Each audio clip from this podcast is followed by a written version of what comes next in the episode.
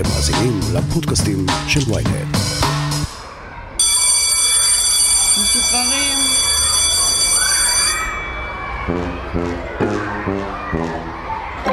שנת הלימודים אמורה להיפתח בתחילת ספטמבר, אבל השנתיים האחרונות של תקופת קורונה הותירו סימנים בכולם. בתלמידים, במורים וגם בהורים. כפי שזה נראה, הווירוס לא צפוי להיעלם בקרוב, ואולי עוד נפגוש בידודים וסגרים. אז מה יהיה עתיד החינוך בישראל, ואיך מחזירים את השפיות למערכת הזו? מנכ"לית משרד החינוך לשעבר מיכל כהן, וכיום מנכ"לית קרן רש"י, תנסה להסביר. הכותרת, הפודקאסט היומי של ynet עם עטילה שומפלבי. מיכל כהן, זאת שנה בעצם מופרעת לא פחות מה, מהקודמת במובנים מסוימים, למרות שיש חיסונים ויש מתווים, עדיין זה לא נורמלי. זה לא נורמלי, אבל הערגה הזו לחזור למה שהיה לפני אולי בעוכרינו, כי כל הזמן מדברים על שנת הלימודים תיפתח כסדרה. אנחנו נמצאים במגפה שכנראה לא תיעלם בשנתיים הקרובות, ולכן הסדר העולמי השתנה וגם מערכת החינוך צריכה להשתנות. אני בהחלט חושבת שאנחנו לא באותו מקום שלפני שנתיים, שזה נפל עלינו כרעם ביום בהיר. המוטיבציה ללמוד ממה שהיה ולנצל גם את ההזדמנויות עדיין קיימת, וצריך לא לאבד את ההזדמנות לשנות. לשנות מה? לשנות את התפיסה שלנו שאפשר ללמוד רק במסגרת הכיתה. לשנות את התפיסה שלנו שאנחנו צריכים להרביץ חומר בילדים. לשנות את התפיסה שלנו שתפקידו של המורה ללמד למבחן. לשנות את כל התפיסה של המרחב של החינוך בישראל, ואני חושבת שהוא גם ישפיע על החינוך בעולם בכלל. מה לדעתך קורה לילדים? מה קרה להם בשנה הזו? אני חושבת שהדבר הכי מורכב, כי אני לא שייכת לאלה שנורא מודאגים מעוד פרק אה, בהיסטוריה, ספרות ותנ"ך. אני מוטרדת מאוד מהמצב שהילדים נכנסו לאיזשהו מצב כאוטי, שהם לא רואים את העתיד, הם לא יודעים לאן זה מוביל, אין להם ודאות בשום דבר, וגם אין להם את המנגנונים של אנשים מבוגרים שיכולים להבין שיש פה איזשהו תהליך. ואני חושבת לכן, התפקיד כרגע של המבוגרים זה ליצור עד כמה שאפשר ודאות. זו לא אותה ודאות שהייתה לפני, אבל לדעת שאנחנו לא משאירים ילדים בבית לגמרי. גם אם יש מצב תחלואה גבוה, אנחנו צריכים לעשות יום כן, יום לא, משמרות, קפסולות, זאת אומרת, המפגש הפיזי הוא הכרחי לילד, ולכן צריך להשתמש בכל מה שלמדנו, ולא לומר זה בחוץ וזה בפנים. המצב הרגשי נפשי של הילדים הוא הדבר שצריך לבנות לו תוכנית. אני עוד לא ראיתי שיש תוכנית, אבל צריך לבנות לו תוכנית. מעבר לחיסונים, ומעבר לבאיזה מבנה הם ילמדו, אלא איך הם יתמודדו ומה הם הדברים שצפים ועם מה אנחנו צריכים להתייחס במיוחד בתוך מערכת החינוך, וזה לא רק לימודים. את מכירה היטב את המערכת הזו, למה כל כך קשה לעשות בה שינויים? אני לא מדבר פה על טוויסטים פתאומיים, אבל מחשבה שהיא טיפה יותר מורכבת נתקלת במין למה? תראה, אני חושבת שזו באמת מערכת מאוד מסובכת, שהתרגלה לאורך שנים, כולנו התרגלנו והרגלנו את כולם שמציון תצא תורה. ובמקרה הזה ירושלים לא יכולה לשלוט בשטח, ואני חושבת שהשינוי שהקורונה תביא, היא בעצם אה, ויתור על הריכוזיות של המערכת. באמת, מערכת החינוך צריכה להיות מערכת ציבורית, ואני ממש חושבת שצריך להקפיד ולשמור עליה כציבורית. יחד עם זאת, צריך לשחרר את המערכת מכבליה. לשחרר את המערכת מכבליה אומר שצריך לתת מתווים, שצריך לתת עקרונות, שצריך לתקצב ולפקח ולבקר, אבל לא צריך לעשות במקום. ואנחנו התרגלנו, כולל כשגם אני הייתי, שאנחנו שולטים מלמעלה במה שקורה למטה, וזה כבר לא קורה, זה כבר לא עובד.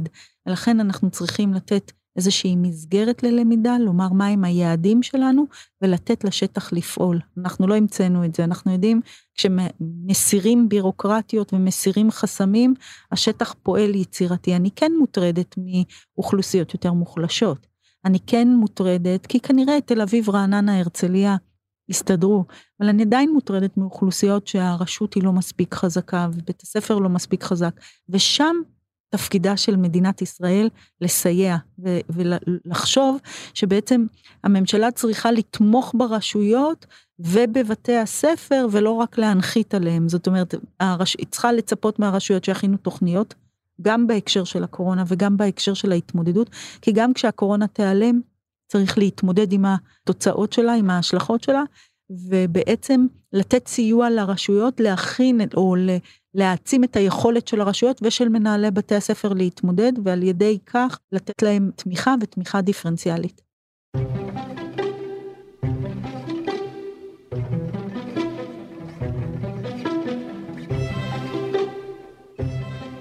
אמרת קודם מתווה, הזכרת קפסולות, הזכרת יום כן יום לא. בואי נדבר רגע על מתווים אפשריים, שאולי הם לא קיימים כרגע על השולחן, אבל צריך לחשוב עליהם.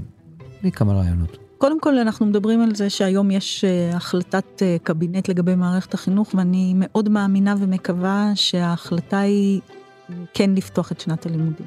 אני מסתייגת מהמילה כסדרה. היא נותנת תחושה לכולנו שהוא שהיה הוא שיהיה, ולא הוא שהיה הוא שיהיה, זה אחד. בואי, בואי נתכונן לזה, מה שנקרא. ובדיוק למדנו, אנחנו כבר לא בשנה הראשונה, זאת אומרת, אנחנו יודעים שמנהל בית ספר אולי צריך להכין שלושה מתווים, מתווה אדום, מתווה ירוק, מתווה צהוב או כתום, לא משנה. מה זה אומר? זה אומר שאם אנחנו במצב תחלואה מאוד גבוה, יכול להיות שחצי כיתה תגיע לשיעור וחצי תהיה בזום, והפוך יום למחרת. יכול להיות שילמדו מ-8 עד 11 קפסולה ראשונה, ומ-12 עד 3 קפסולה שנייה. יכול להיות שיהיו אה, מפגשים במרחב העירוני. המרחב העירוני זה לא רק מוסד חינוכי. יכול להיות שמצמצמים מקצועות לימוד ומחליטים שמלמדים רק שלושה מקצועות לימוד, והמורים מתחלקים לחלוקה לקפסולות. זאת אומרת, יש מיליון דברים שאפשר לעשות, זה לא קל, אני נשמעת כאילו זה פשוט, זה לא פשוט, כי מנהלי בתי ספר צריכים להכין כמה מערכות למקרה ככה ולמקרה ככה ולמקרה ככה, אבל יחד עם זאת, בכל בית ספר יש צוות לשעת חירום, בכל רשות יש צוות לשעת חירום. זה הזמן, אנחנו בשעת חירום מתמשכת, ולכן צריך אה, להשתמש בכל הכלים. כולל שאני יודעת שאנחנו עושים בזמן מלחמה, אנחנו עושים הפוגות לילדים, אנחנו עושים הפוגות לאוכלוסייה, אז צריך גם פה לעשות הפוגות, להתייחס לפן האישי, החברתי, שהוא מעבר לשיעור עצמו. אני חושבת שזה חלק מהמתווים. אני יודעת שהרבה חברים שלי לא רוצים לבוא ומאוד פוחדים מהקורונה. וגם לא מתכוונים לבוא, וגם הרבה לא באו היום, ממש טיפה. המורה כתב שאם אנחנו מודאגים לכתוב לו או להתקשר אליו, והוא כתב שנעשה למידה מרחוק במחשב או בטלפון. אה, לא, אני לא יודעת, אני שמח שלא צריך ללכת לבית ספר. הייתה לנו מורה, באה עם מסכה מסודרת מאוד ואמרה לנו שאין מה לעשות, עכשיו הגיעו הבדיקות ובאמת צריך לחזור הביתה. כל ההרגשה של לחזור ללימודים הייתה נורא כיפית. פתאום זה לחזור ואולי גם להיות בבידוד. הביטוי דור אבוד לגבי ילדים מקובל עליך? לא, ממש לא. זה לא דור אבוד. זה דור שעובר סוג של שינוי, טראומה, לא יודעת מה, אני גם לא רוצה להגיד טראומה, זה, זה דור שחווה אה, מגפה כמו כולנו, הוא יזכור את זה לאורך זמן, אבל הוא לא דור אבוד. וזה גם תלוי בנו. אם נשב ונספוג כפיים ונגיד אבוד, אבוד, אבוד, כי הם לא למדו חשבון, אז אני חושבת שאנחנו נוביל אותם להיות אבודים, אבל הם לא דור אבוד, צריך לטפל בהם, זה לא בלתי אפשרי. השאלה מה זה לטפל בהם, האם אפשר לסמוך אך ורק על המערכת? האם לתת רק למורים לנווט בתוך הסבך הזה? או שמא גם בעניין הזה צריך פה הרבה יותר שילובים. הורים, מורים, רשויות מקומיות, אולי עוד מסגרות פדגוגיות. כשהייתי מנכ"לית חינוך, יום אחד אמרתי, אני לא מנכ"לית משרד החינוך, אני מנכ"לית מערכת החינוך.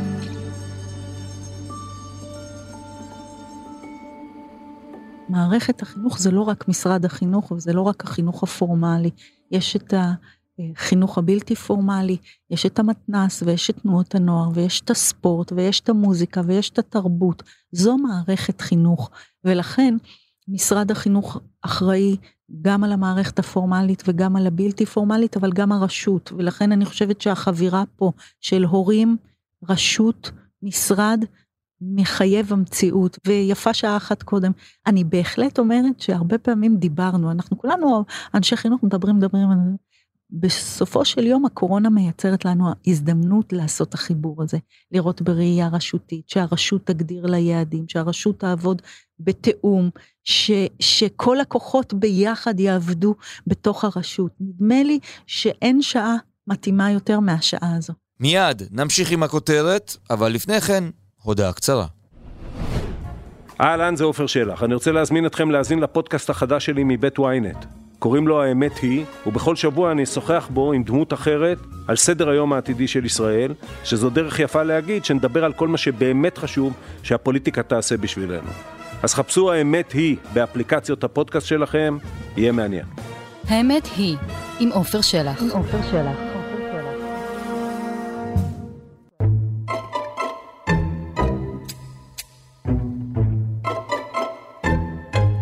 את יודעת, אמרנו הרבה מאוד פעמים בעבר, או, oh, נו, מערכת החינוך הזו היא כבר ישנה, נושנה, ארכאית, צריך לעשות שינויים, דרמות וזה. ואז הגיע השינוי הגדול. אמרו, בסדר, לימודים מרחוק. לא עובד. ובכל זאת, אם אנחנו מסתכלים על מערכת חינוך עתידית, שצריכה לעבור איזשהו שינוי, אפילו מהפכני במובנים מסוימים, יכול להיות שבעוד 10-15 שנה נראה משהו אחר לגמרי, עם כיתות אחרות, עם בתי ספר אחרים, עם הרבה יותר מחשוב, אולי אנשים לא מגיעים כל יום לבית ספר. אני מקווה שהרבה לפני עשר שנים, כי אם לא הייתה קורונה, אולי זה צריך לקחת לנו עשר או חמש עשרה שנה, אבל עכשיו, שהקורונה הגיעה וטלטלה את המערכת ואת שאר המערכות, גם מערכות העבודה והתעסוקה, זה לא רק מערכת החינוך, אני חושבת שזה בדיוק מה שאני אומרת, שאנחנו צריכים להבין איך העולם עומד להשתנות, ואני חושבת שללא טלטלה כזאת, לא היינו מגיעים גם עוד עשר שנים. אז המחשב הוא לא חזות הכל, אבל הסיפור למשל של מורים ופריפריה, תמיד אמרנו אי אפשר להביא מורים, אה, אה, מורים מאוד אה, טובים, מאוד חזקים, מתקבצים במרכז ו, ויש חוסר, ויש, אז אני אומרת הנה עכשיו אפשר לעשות עבודה שהיא חלקה פיזית, חלקה דרך המחשב, ו- ולהפגיש אוכלוסיות, להפגיש מורים כשחסר, לייצר מערכת שהיא מערכת לא בהכרח כל היום בבית הספר. יכול להיות מצב ש... סתם, אני נותנת דוגמה, שאנחנו מלמדים ארבעה ימים בבית הספר ויום אחד הילדים בבית, אבל התנאי צריך להיות שלכולם יש מחשב, שלכולם יש תשתית, לא רק לחזקים ולמבוססים יש את התמיכה. זו, זה האתגר של מערכת החינוך. אז כסף. חסר לא כסף. לא רק, לא רק, חסר כסף, אה, לא יודעת אם חסר כסף, זה עניין של, אתה יודע, אומרים בחיים סדרי עדיפויות. כסף, אני אגיד בזהירות, כסף יש במערכת החינוך. השאלה מה עושים איתו, ואיך מנצלים את ההזדמנות הזאת לעשות בו גם הסטות וגם תוספות, זה בסדר. במקומות נוספים. אנחנו רואים עכשיו תמונה שמגיעה לנו בשידור ישיר מירושלים, עם המוני האנשים במצעד הדגלים. שמנסים אה, למצוא מחסה, אזעקה. עם תקיעת האולטימטום. אני רוצה לשאול אותך שאלה אה, שהיא כמעט אה, מתבקשת בטח בישראל. מדינה עם מלחמות ומבצעים וטילים ורקטות ויש פה הכל. איך זה יכול להיות שאין תוכנית מסודרת להתמודדות עם שגרת חירום, לא עם מצב חירום, אלא שגרת חירום. הרי יש כל מיני גורמים, כמו למשל צוותי חירום לכל בית ספר וזה, אבל אין תוכניות חירום. איך יכול להיות? אז קודם כל צריך לומר ביושר שיש לתוכניות חירום למלחמה, אבל לא מלחמה כזאת. ולכן אני חושבת שכן, יחסית מערכת החינוך התעשתה ומיד זרקה את עצמה לתוך הזום, גם אם זה לא מושלם. אין מושלמות ואין פתרון אחד ואין מענה אחד לכולם. צריך לנצל את זה. אחד הדברים שמאוד מטרידים אותי זה הפערים, הפערים בחינוך והפערים בכלל. ואם אתה שואל אותי, גם אחרי הקורונה יש התמודדות לאחר הקורונה, גם אחרי מלחמה לא מפסיקים באותו יום את הטיפול הרגשי, כי צריך להמשיך ולטפל בהשלכות של הדברים. ולכן אני חושבת שהמגפה הזאת תסמן לנו אחד הפערים, לא רק פערים טכנולוגיים, פערים בכלל שהיו גם לפני, אבל זו ההזדמנות להתחיל ולבנות תוכנית שהיא תוכנית דיפרנציאלית. אנחנו צריכים לרשת את כל בתי הספר ואת מוסדות ה... ואת את כלל הרשויות כדי שייתן מענה להיברידיות הזאת, ואנחנו צריכים להכשיר את המורים. כמו שאנחנו תמיד מדברים, לעשות שינוי בתפקיד שלהם, ולאט לאט להעביר את הלומדים גם ליכולת של למידה עצמית. זה מיומנויות.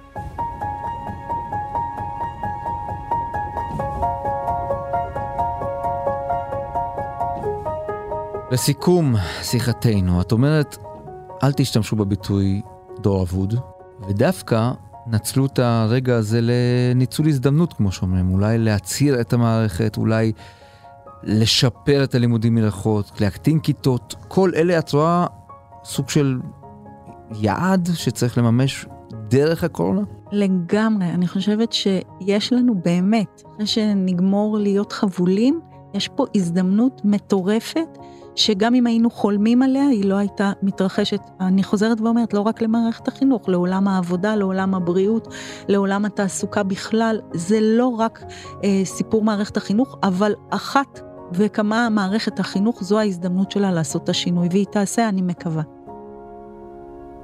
נקווה, גם אנחנו, כמובן. מיכל כהן לשעבר, מנכ"לית משרד החינוך, מערכת החינוך, כפי שתיקנת אותי קודם, וכיום מנכ"לית קרן רש"י. המון תודה. תודה לך. עד כאן הכותרת להיום. מחר נהיה כאן שוב עם פרק נוסף. אתם מוזמנים להזין לפרקים נוספים בוויינט, בספוטיפיי, באפל ובכל אפליקציות הפודקאסטים באשר הן. אם יש לכם הערות, בקשות או רעיונות, אתם מוזמנים ליצור איתי קשר באמצעות האימייל podcast.ynet.co.il עורך הפודקאסטים שלנו רון טוביה, בצוות ערן נחמני ושחה ברקת, על הסאונד ניסו עזרן. אני עטילה שומפלבי, נשתמע מחר.